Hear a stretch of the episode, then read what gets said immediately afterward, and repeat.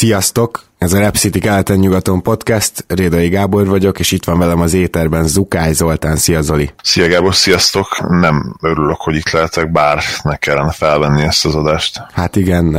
ugye tegnap, mi hétfőn vesszük föl, tegnap egy tragikus helikopter szerencsétlenségben kilenc ember halt meg, közöttük volt Kobe Bryant, egyébként a lánya is,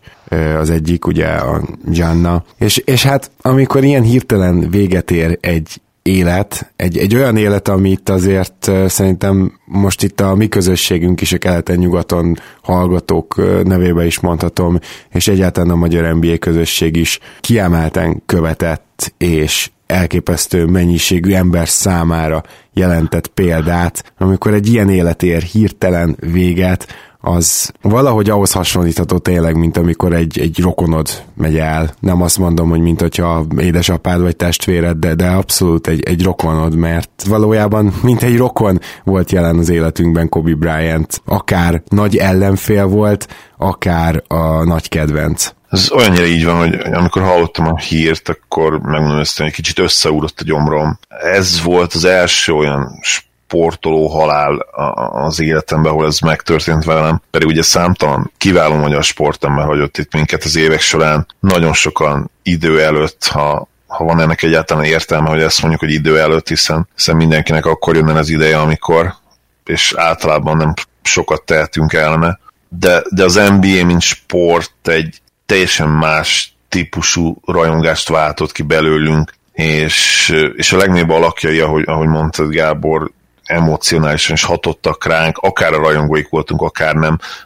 Azt hiszem a nevedben is beszéltek, úgyis megteszem sűrűn, hogy mi nem voltunk Kobe Bryant rajongói, de, de így is annyira magától értetődő volt elismerni őt. Kobe Bryant az MJ utáni, és, és még egy kicsivel LeBron előtti, vagy vele párhuzamos globális sportjelenség volt, sőt, talán ezen is túlment egyébként, és, és szerintem őt is nevezhetjük nyugodtan popkulturális ikonnak is, mert tényleg megkerülhetetlen, megcáfolhatatlan volt az, az a, aki ő volt, meg, meg tényleg az öröksége is, amire, hogyha gondolunk, akkor sajnos most már az életére is kell vonatkoztatnunk, és, sajnos nem csak a sportkarrierére, de, de azt hiszem, hogy mindkettő feleltetetlen volt, és talán ami extra szomorúvá teszi nyilván amellett, hogy, hogy Gianna, a 13 éves lánya is vele volt, az az, hogy, hogy Kobi olyan hihetetlen intenzitással kezdte el az életének a második felét, hogy, hogy szinte biztosak lehettünk benne, hogy, hogy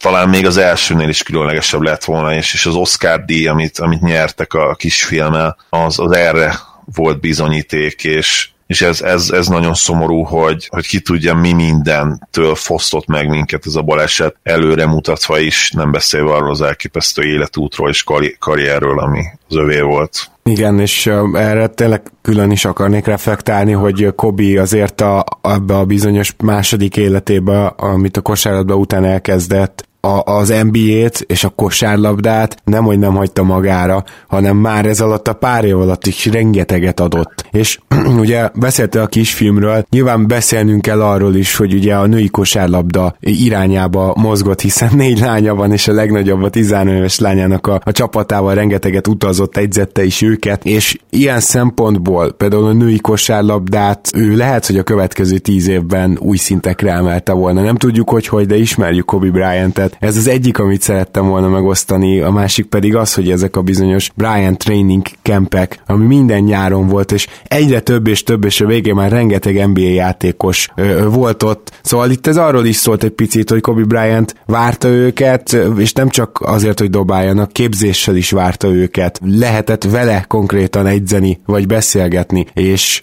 hogyha mondjuk valaki arra a Kobe Bryant-re emlékszik vissza, aki a sérülése után már kevésbé hatékony dobásokat vállalt el, és azt se túl nagy hatékonysággal dobta be, ugye, akkor, akkor annak lehet, hogy furcsa, de amint véget ért a karrierje, ugye különböző elemzésekre kérték fel, ő nem vállalt el ilyen minden szart, ami, ami ilyen felületes, hanem csak olyanokat, ahol volt ideje kifejteni a dolgokat, és abban is volt egy saját sorozata, és azt kell, hogy mondjam, hogy kevés ember értette ennyire a kosárlabdát, és És erre Nate Duncan mondott egy fantasztikus dolgot, hogy, hogy ö, olyan furcsa ez neki is így utólag, hogy ő, ő sosem volt feltétlenül a leghatékonyabb dobás kiválasztó, viszont valószínűleg a nehéz dobásokat ő dobta a legjobban, talán még Jordannél is jobban, és ez akkora fegyver volt, és különösen a playoffban, ami azt gondolom, hogy rengeteg rajongónak a szívébe szinte évente költöztetett életre szóló emlékeket, és rengeteg olyan ember szívébe, aki pedig mondjuk a másik csapatnak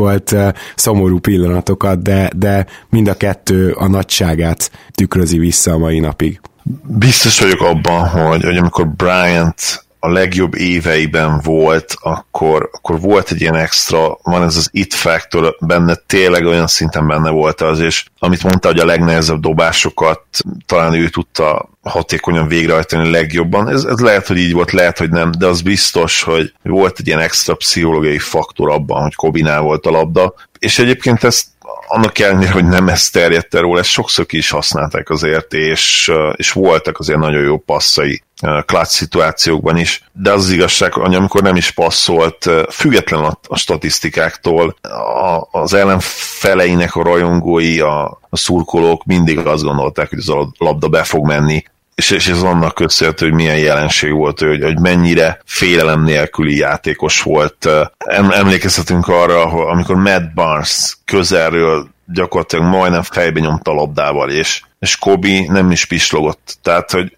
vagy egy másik szituáció, amikor minden idők egyik legjobb stand-up komikusa Chris Rock szórta a poénokat neki, és meg se hallotta. Tehát olyan, olyan szintű fókusz, és, és olyan szintű félelem nélküli játék jellemezte őt, ami, ami mellett nem lehetett elmenni, és, és ami valószínűleg különleges volt az egész NBA történetében, én azt, azt mondanám. Igen, tehát egyébként nem csak abban, vagy főleg nem abban hasonlított szerintem Michael Jordanre Kobe Bryant, hogy teljesen hasonló dobásokat vállalt el, mert kicsit másokat, kicsit másféle lábmunkával, más elosztással, de amiben elképesztően hasonlított, és valószínűleg csak ő hasonlított ennyire, az, az a megalkuvást nem tűrő győzni akarás, ami Kobe Bryantben volt. Azt, azt talán csak MJ hozta előtte, és MJ-t ez a tulajdonsága kifejezetten tehát ez hozzájárult, hogy, hogy MJ ekkora ikon lett, és én azt gondolom, hogy Kobe Bryantnél is hozzájárult. A másik ilyen érdekes dolog az a kapcsolatban, hogy hogy lett ő ikon. A pályán nyújtott teljesítménye és a látványosság mellett azt gondolom, hogy ez, a, ez az ilyen mindenen átmegyek, ez, ez ő jelent meg először a médiában igazán mert ugye Jordan a kezdetek kezdetén, persze tévéinterjúk is voltak vele, de gyakorlatilag vele ment fel a, a nemzetközi televíziózás térképére a kosárlabda. Kobe Bryant pedig abba az időszakban volt, amikor elkezdődött az internet gyakorlatilag, mint jelenség, ugye elkezdődtek a, azok a fajta tévés közvetítések, ami már, már jóval többet tudott nyújtani, és ennek a korszaknak a, a Jordan ikonja lett gyakorlatilag Kobe Bryant a 2000-es évek elején. Igen, és, és ami hihetetlen, hogy, hogy úgy volt sok éven át a legnépszerűbb, hogy tényleg LeBron is már azért a pályafutása jelentős részében ott volt mellette. Nyilván LeBron is, is ikonná vált, ő is egy globális ikon ma már, de, de Kobe a legjobb éveiben talán még egy magasabb szinten volt, ami, ami a, az ismertséget és elismertséget illeti, és ő tényleg szó szerint megdolgozott minden cseppnyi sikerért. J. Williamsnek ugye a sajnálatos motorbalesetet szenvedő bár kontextusban ugye hát ha ezzel a balesettel hasonlítjuk össze, nem is feltétlenül jó szó sajnálatos. Szóval J. Williams, aki ugye most már egyébként egy remek kommentátor, ő mesélte azt a, azt a Bryant sztorit, hogy mérkőzés előtt lement edzeni, jó pár órával a meccs előtt, és hát természetesen senki más nem volt ott, csak ugye Kobe Bryant, lepacsiszta, köszöntek, de ugye mindenki csinálta maga dolgát, és akkor már, amikor oda J. Williams már brutálisan le volt ízad a Brian, és nem ilyen teszetossza gyakorlásokat csinált, nem ilyen dobálgatok, kicsit megmozgatom magam, hanem, hanem tényleg meccs szituációs gyakorlatokat csinált, meccs szituációs lábmunkát, dobásokat, majd, hogy nem szinte ugyanolyan intenzitással, mint a, mint a mérkőzésen is. És J. Williams ugye már ki tudja, mikor ott volt Brian előtte, és J. is hát edzett egy órát, és utána úgy volt fel, hogy visszamegy, alszik egyet még a meccs előtt, stb. És Brian nem mozdult ugye pályára, továbbra is edzett, és oda, oda kellett mennie hozzá saját bevallás szerint, hogy megkérdezni, hogy, hogy mégis mi, mi, miért így edzel, mi, mit csinálsz, és mondta neki Brian, hogy hát láttalak idejönni, és a, tudatni akartam veled, hogy lényegtelen, hogy mennyire keményen edzel, én hajlandó vagyok arra, hogy nálad is keményebben edzek. és uh, biztos vagyok benne, hogy száz, száz ilyen sztori van még Kobival kapcsolatban. Tényleg, tehát ez, ez, ez az, amit én is mondtam, hogy, hogy ami volt valami, amiben MJ-hez ő hasonlított legjobban, hát ez, ez az volt, tehát ez akár egy MJ sztori is lehetne, és, és még, még azért a különbözőségükre is szeretnék kitérni, vagy, vagy azzal is készültem, csak annyiból, hogy ugye azért Jordan egy zárkózott, igazából mogorva a, a körülötte lévő élet kihívásaival nagyon furán megküzdő ember volt, Kobe Bryant rendkívül nyitott volt. Ebben, ebben egyáltalán nem hasonlított MJ-re. Már, már csak azért is valószínűleg az európai ö, kaland is ehhez hozzájárult. Ö, az is, amikor mondjuk például most Luka Doncic meghallott valamit szlovénül a háta mögül nem olyan régen. Ö, valahogy nem lepődtem meg, hogy az Kobe Bryant volt. So, ott volt vele sajnos Gianna is, ugye, a lánya. Igen. Kett ketten ültek ott, Luka posztolt is két képet, az is annyira szívfacsaró volt, hogy tényleg pár héttel ezelőtt ott vannak egy meccsen poénkodnak, és utána ez, ez történik. De, de azért mégiscsak ez, ez már az a fajta emlék, amire olyan szívesen emlékszik vissza Kobival kapcsolatban, hogy, hogy egyébként mennyire tájékozott és nyitott volt, és tehát az, hogy ő szlovénul megszólal, az nem volt meglepetés egyszerűen számomra. Nem. Olaszul is gyakorlatilag szinte anyanyelvi szinten beszélt, ugye ő tényleg egy, egy nemzetközi arc volt a, a szó legjobb értelmében, és egyébként so, nagyon sok tényleg szívhez szóló tribute olvastunk, a, olvastunk tegnap este óta. Sean Elliott tól hallottam egy, egy interjú részlet, nem is interjú részletet, egy ugye a, a mérkőzés előtt, a Spurs match előtt mondta, hogy, hogy ő egy finoman utalt is rá, hogy ő, ők nem kedvelték egymást, meg ő sem kedvelte Bryant-et, de hogy az volt a hihetetlen Kobe-ban, hogy, hogy külön tudta választani a, a pályán történő rivalizálást és, és a pályán kívül, és hogy Sean Elliott teljesen meglepődött, hogy pár éve, amikor a barátaival vacsorázott, Kobe meglátta, oda ment hozzá, üdvözölte, beszéltek 8-10 percet, és, és a többen mondták utána Seannak, Sean Elliottnak, hogy a baráték közül, hogy eddig nem kedvelték Bryant-et, de ezek után nagyon. Tehát, hogy végtelenül közvetlen, és, és minden beszámoló szerint egy, egy rendkívüli kedves ember volt a, a pályán kívül, ami, ami hihetetlen kontraszt azzal, ami ő a pályán volt, ugye ez a kizökkenthetetlen, majd, hogy nem tényleg egy ilyen nem, nem gép, de... De gépies, de, igen. De gépies, igen,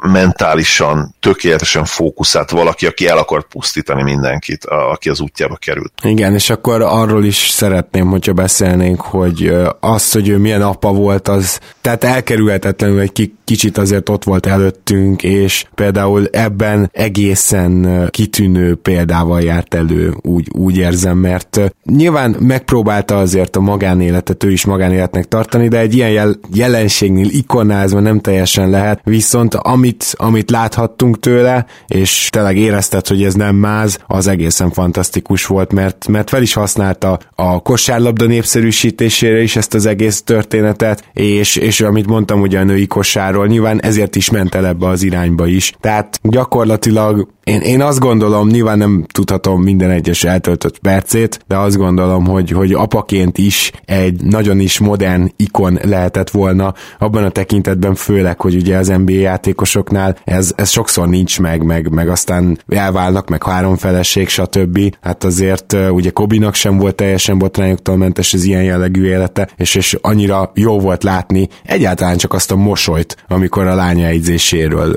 láttál jeleneteket. Tehát már, már már az a mosoly valahogy mindent leírt nekem, hogy mennyire elképesztően büszke például Giannára, aki ugye most meghalt. Igen, és hogy, hogy mennyire jó apa volt, és, és hogy tényleg a, a nő, kicsit a női kosárlabdára is vissza kell uh, mennünk, hogy például a jelenlegi legjobb női egyetemi játékos, ugye Sabrina Ionescu közeli barátja volt Bryantnek, mentora volt, mentorálta őt, gyakorlatilag a mentora volt neki, és ugye ő is lenyilatkozta most, hogy az egész szezon gyakorlatilag Bryantnek fogja, fogja ajánlani, teljesen ki volt szegény bukva, és pont öt napja volt Kobinak egy nyilatkozata is, hogy, hogy szerinte vannak olyan, vannak olyan uh, VNB játékosok most, akik akár játszhatnának a ligába. Nyilván most nem fogunk ebbe belemenni, nem az a lényeg, hogy mi a véleményünk erről a kijelentésről, hanem rávilágít arra, hogy, hogy Kobi mennyire szívén viselte azt, hogy, hogy segítse a nők és a női sport előre jutását. Abszolút, és szeretnék egy picit azért a, a karrierjével kapcsolatban is egy-két emléket felidézni, felhozni, mert valahogy volt egy olyan pillanat számomra, és nem is 81 pontos meccs volt, hanem talán az a második három döntő, amiben részt vett, amikor realizáltam, hogy Kobe Bryant mitől az egyik legnagyobb valaha ever. Nyilván az, hogy most éppen top 10-es, top 15-ös, tehát valamerre erre van, de a legnagyobbak egyike. Mert 2008-ban, meg 2010-ben az a csapat, tehát a középső az nagyon jó volt, de az a két csapat, azt, azt szerintem egyszerűen Kobi a hátára vette, és nem becipelte a döntőbe, hanem konkrétan nyert két bajnoki címet. Nem akarom azt állítani, hogy rossz csapatok voltak, de a, amikor igazán jó volt az a Lakers, az a három évből szerintem egy, és az a középső, és a, az elsőnél, meg a, az utolsónál valahogy nem őket éreztem esélyesnek, viszont Kobe Bryant mind a kettő playoffban olyan legendás meccseket hozott, és, és, és tényleg győztes meccseket is, győztes meccseket is, ugye mondom ezt annak ellenére is, hogy a Boston ellen végül nem sikerült a győzelem, de ott is azért döntőztek, amivel végleg felkerült nálam így a legnagyobbak térképére, mert ott láttam, hogy hiába, hogy kezd valamilyen új stílus kibontakozni, Kobe Bryant egyszerűen megállíthatatlan, a- amikor nem tudsz rá védekezést csinálni. Na az a, az a három év az ilyen volt. Igen, és még sekre ugye jellemző volt az, az a picit hát fél profi hozzáállás, és hogy az alapszakaszba hát nem úgy tette oda magát, addig Bryant folyamatosan ment, és, és minden mérkőzést, minden negyedet gyakorlatilag komolyan vett, és biztos vagyok én is abban, hogy, hogy enélkül, a, a mentalitás nélkül az a Lakers nem lehetett volna ennyire sikeres. Ugye egy, egy nagyon fiatal Bryantról beszélünk, még a Free végén is, ha minden igaz, 23, 24 körül volt, de, de ahogy mondtad, akkor arra már egyértelmű szupersztár volt, 30 pont körül átlagod az alapszakaszban, és a playoffra még a play még erre is rá tudott tenni egy lapáttal. Elképesztő szériái voltak már akkor is, akkor is és persze aztán a, a duplázásnál később akkor láthattuk én azt gondolom a, a, a legjobb Kobe Bryant-et a, a 2008-9-es és a 2009-10-es szezonban. 30 évesen mindent tudva a játékról, amit lehetett tudni, még mindig nagyon jó fizikai szinten, gyakorlatilag egy, egy, egy tökéletes játékos volt, aki, aki azokban az években védekezésben is még hihetetlenül oda tette magát, és, és tényleg nem volt gyakorlatilag gyenge pontja. Az Orlando elleni széria, a, a Suns elleni széria ugye 2010-ben, a Celtics elleni döntő úgy összességében is még, még az utolsó mérkőzéssel is, ahol nem mennek ki a dobás, de, de leszedett majdnem 20 lepattanót. Az igazság tényleg, hogy, hogy elképesztően nagy szíve volt ennek az embernek, és nem tudom, hogy lehet-e meccselni azt a, azt a kompetitív lelket, ami, ami benne volt, és, és tényleg ami olyan magaslatokba repítette volna most a, a, az életének második felében is, amit én tényleg különösen sajnálok, hogy, hogy már nem láthatjuk. Még amit, mint Sans Drucker el kell mondanom, az nyilván az, amikor a második hely jegyzett Sans majdnem a hetedik helyről egy maga a Kobi, vagy azt hiszem Odom már ott volt, de meg senki más, tehát se Gasol, se Bynumnak híre hanva nem volt majdnem kiejtette azt a Suns. Hát, Három egyre vezettek, igen, és elég-elég közel voltak. Az, az tényleg olyan szürreális volt, mert annyival jobb csapat volt a Suns, hogy azt tényleg zongorázni nem tudnám most. Elképesztő különbség volt szerintem a keretek között, és már az Egy is durva volt, hogy, a, hogy, hogy ment be a hetedik helyen a Lakers, már azt se értettem. Ugye ez volt az a szezon, ha jól emlékszem, igen, tehát a 35,4 pontot átlagolt Kobi, 5,3 lepattanóval, 4,5 asszisztal, amit így utólag egészen biztos biztos vagyok benne, hogy most naprendszer csapatnak nevezhetnénk. És ugye nem csak az elképesztő egyéni statok, hanem akkor még jött a playoff, ami mindig is az ő terepe volt, hiszen a nehéz dobások, hogyha nem is olyan hatékonyak az alapszakaszban, de azért tudjuk jól, hogy a lelassult playoff körülmények között ezek többet érnek, és hozta őket, és hozta-hozta triplákat is, ugye, ami, ami megint olyan dolog volt, hogy nem volt igazán jó triplázó, de a clutch momentekben, ahogy te mondtad, Zoli, hogyha egy triplát is rámelt, az úgy gondoltad, hogy be fog menni. És tényleg be is ment lement néha olyan elképesztő szituációkban, amiket csak neki volt önbizalma bevállalni. A Suns végül fordított, de, de, de szóval az egy olyan hősköltemény volt Kobitól az az év, egy, egy gyenge csapattal, amire nagyon kevesen képesek megint csak, és az ő akarata kellett ahhoz szerintem egyáltalán, hogy playoffba jussanak. Egyetértek, maximálisan egyetértek, és hogyha végig kellene gondolni azt most hirtelen, hogy, hogy melyik, melyik Kobe Bryant volt az, akit mint játékos soha nem fogunk elfelejteni, akkor, akkor mindenképpen az, az, az a Bryant lenne, aki 81 pontot dobott a, a Raptors ellen, akkor ugye 26-27 körül volt, ha, ha nem csak az emlékezetem, és, és hát arról az estél is beszélnünk kell egy kicsit, nem csak azért, mert karrier egyik legfontosabb pillanata, és talán a legtöbbet idézett pillanata, ugye számtalan mém is lett ebből, a, abból az estéből, hanem az tényleg egy, egy olyan teljesítmény volt, ami, ahol, ahol minden pontra szükség volt, hiszen a mérkőzés jelentős részében vezetett a Raptors, úgyhogy kíváncsian várom azt, hogy neked egyáltalán milyen véleményed volt arról. Igen, tehát akkor én gyakorlatilag még nem nagyon néztem Raptors meccseket, úgyhogy abszolút, abszolút csak hozzád hasonlóan utólag értesültem róla. Nem néztem élőben, viszont az biztos, hogy amikor, amikor azon gondolkozok, hogy minden idők legnagyobb egymeccses teljesítménye, akkor, akkor az én ezt top 5 környékén szoktam emlegetni, és el is mondom, hogy miért. Pontosan azért, amit te is mondtál, hogy gyakorlatilag egy végig szoros meccsen. Csomó ideig megyedül meccsben tartotta a csapatát, és utána, amikor eldőlt a meccs, akkor azt eldöntötte triplákkal, büntetővel, hogy, hogy, hogy azon az egy meccsen szinte mindent megmutatotta, ahogy a kosárlabdából pontot lehet szerezni. És ezt akarom kiemelni a 81 pontos meccsel, hogy hát ott, ott kiderült, hogy nem igazán van olyan, amit nem tud megcsinálni, hogyha pontot kell szerezni. Ez, ez megint egy ilyen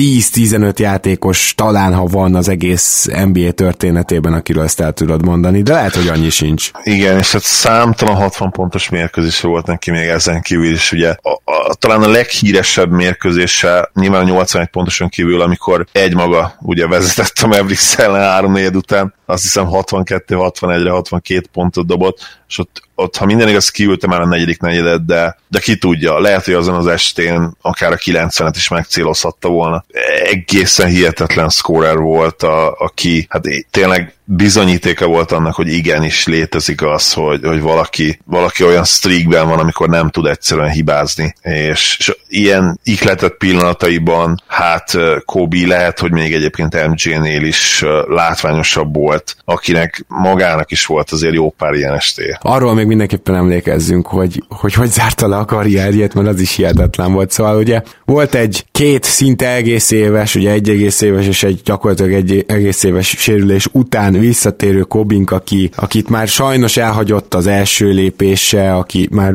nem volt olyan gyors, már nem tudott olyan, ugye separationnek mondják, annyira helyet csinálni magának a dobáshoz, és nem volt annyira szép az utolsó két-három év kosárlabda szempontból, és erre jön egy olyan utolsó meccs, amit, amit hogyha megnéztek, akkor két dolgot meg kell állapítanunk, hogy a, a Jazz konkrétan nyerni akart, tehát ő nekik ott még a playoff szempontjából az egy fontos meccs volt, és, és fogták is Bryantet, és a másik, amit megállapítottunk, hogy Bryant mintha visszaúrott volna arra az egy utolsó meccsre az időben. Tehát ott, ott a 60-at nem csak úgy érte el, hogy egy ilyen gála meccs volt, ahol félreálltak, meg úgy nem annyira fogták, vagy ilyesmi, szó sincs róla, hanem, és ez, ez valahogy az ő karrierjének a befejezése volt, és kellett, hogy legyen, hogy hihetetlen módon egyszerűen, mint hogyha a korábbi Kobe Bryantet látnánk, és ott is klasszis teljesítményekkel, ráadásul vezetett a jazz, és a végén jöttek slack Kobitól, amivel átvette szinte egy személyben a vezetést. Fantasztikus meccs volt, és csak annyit, hogy Danny Leroux mondott egy elképesztő dolgot erről. Az, hogy a Warriors éppen a memphis játszott, hogy meglegyen a 73-9. És az egész Warriors stáb,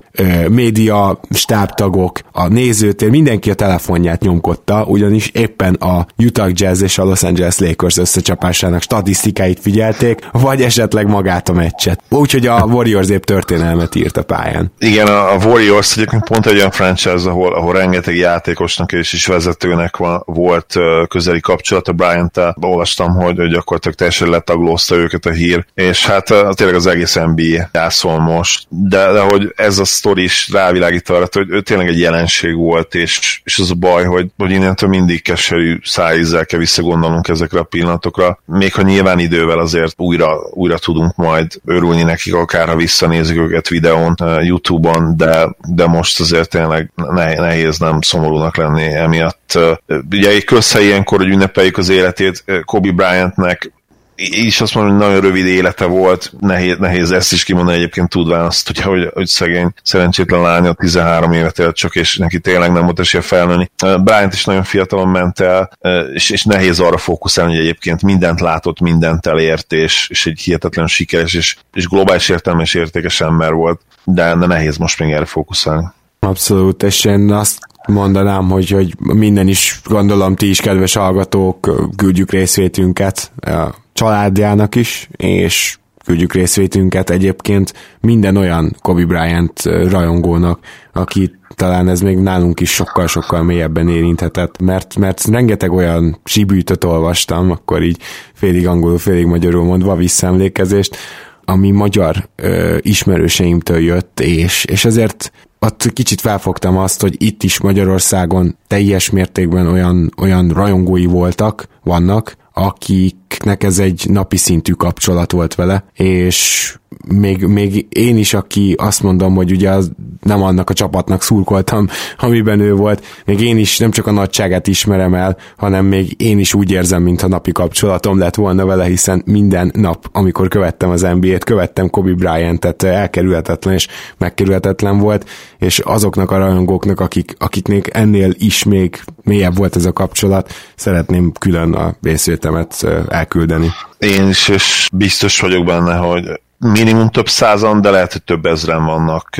Nagyon-nagyon sokaknak volt ott az abszolút első számú kedvence a sportvilágból Kobi. Biztos vagyok benne, hogy ők jelen pillanatban nagyon rosszul érzik magukat. A, a műsort úgy kezdett, hogy kicsit olyan ez, amikor, amikor egy ilyen ikon hal meg, mintha, mintha egy családtagot veszítenénk el. Biztos vagyok benne, hogy ez, hogy ez ténylegesen igaz nagyon sokakra, akik, akik élet tének mindennapi része volt Kobi, és, és tényleg rájuk gondolunk, rájuk is gondolunk most elsősorban, természetesen a, a, a család mellett. És itt nyilván említsük meg azt is, hogy, hogy hét másik életet is, is elveszítettek ezen a napon, és, és ők is nyugodjanak békében. Hát overreaction akartunk ugye a hét elején, ez egy kicsit csúszik, de azt hiszem, hogy ez egy olyan adás volt, amit mind a ketten szerettünk volna megosztani veletek, és Zoli, köszönöm szépen, hogy itt voltál ma. Szia Gábor, sziasztok! Kedves hallgatók, köszönjük szépen, hogy hallgattok minket. Sziasztok, nyugodj békében, Kobi! Ha más podcastekre is kíváncsi vagy, hallgassd meg a Béton műsor ajánlóját. El tudod képzelni, hogy a podcastet, amit éppen most hallgattál, fél év múlva már a mesterséges intelligencia generálja? Mi sem. De ha érdekel, eljött már a gépek lázadása. Hallgass bele az Embertelen podcastbe. Orsós Lajos vagyok, a műsor házigazdája. Egyelőre még élőben. Egyelőre. Fedezzük fel együtt, hogyan ismerkedik, randizik, mesél és vitatkozik Betty és Péter, két teljesen mesterséges intelligencia. Lajos, a podcast címét mond még egyszer, Léci. Oké. Okay. Embertelen podcast. Ez a műsor a Béton közösség tagja.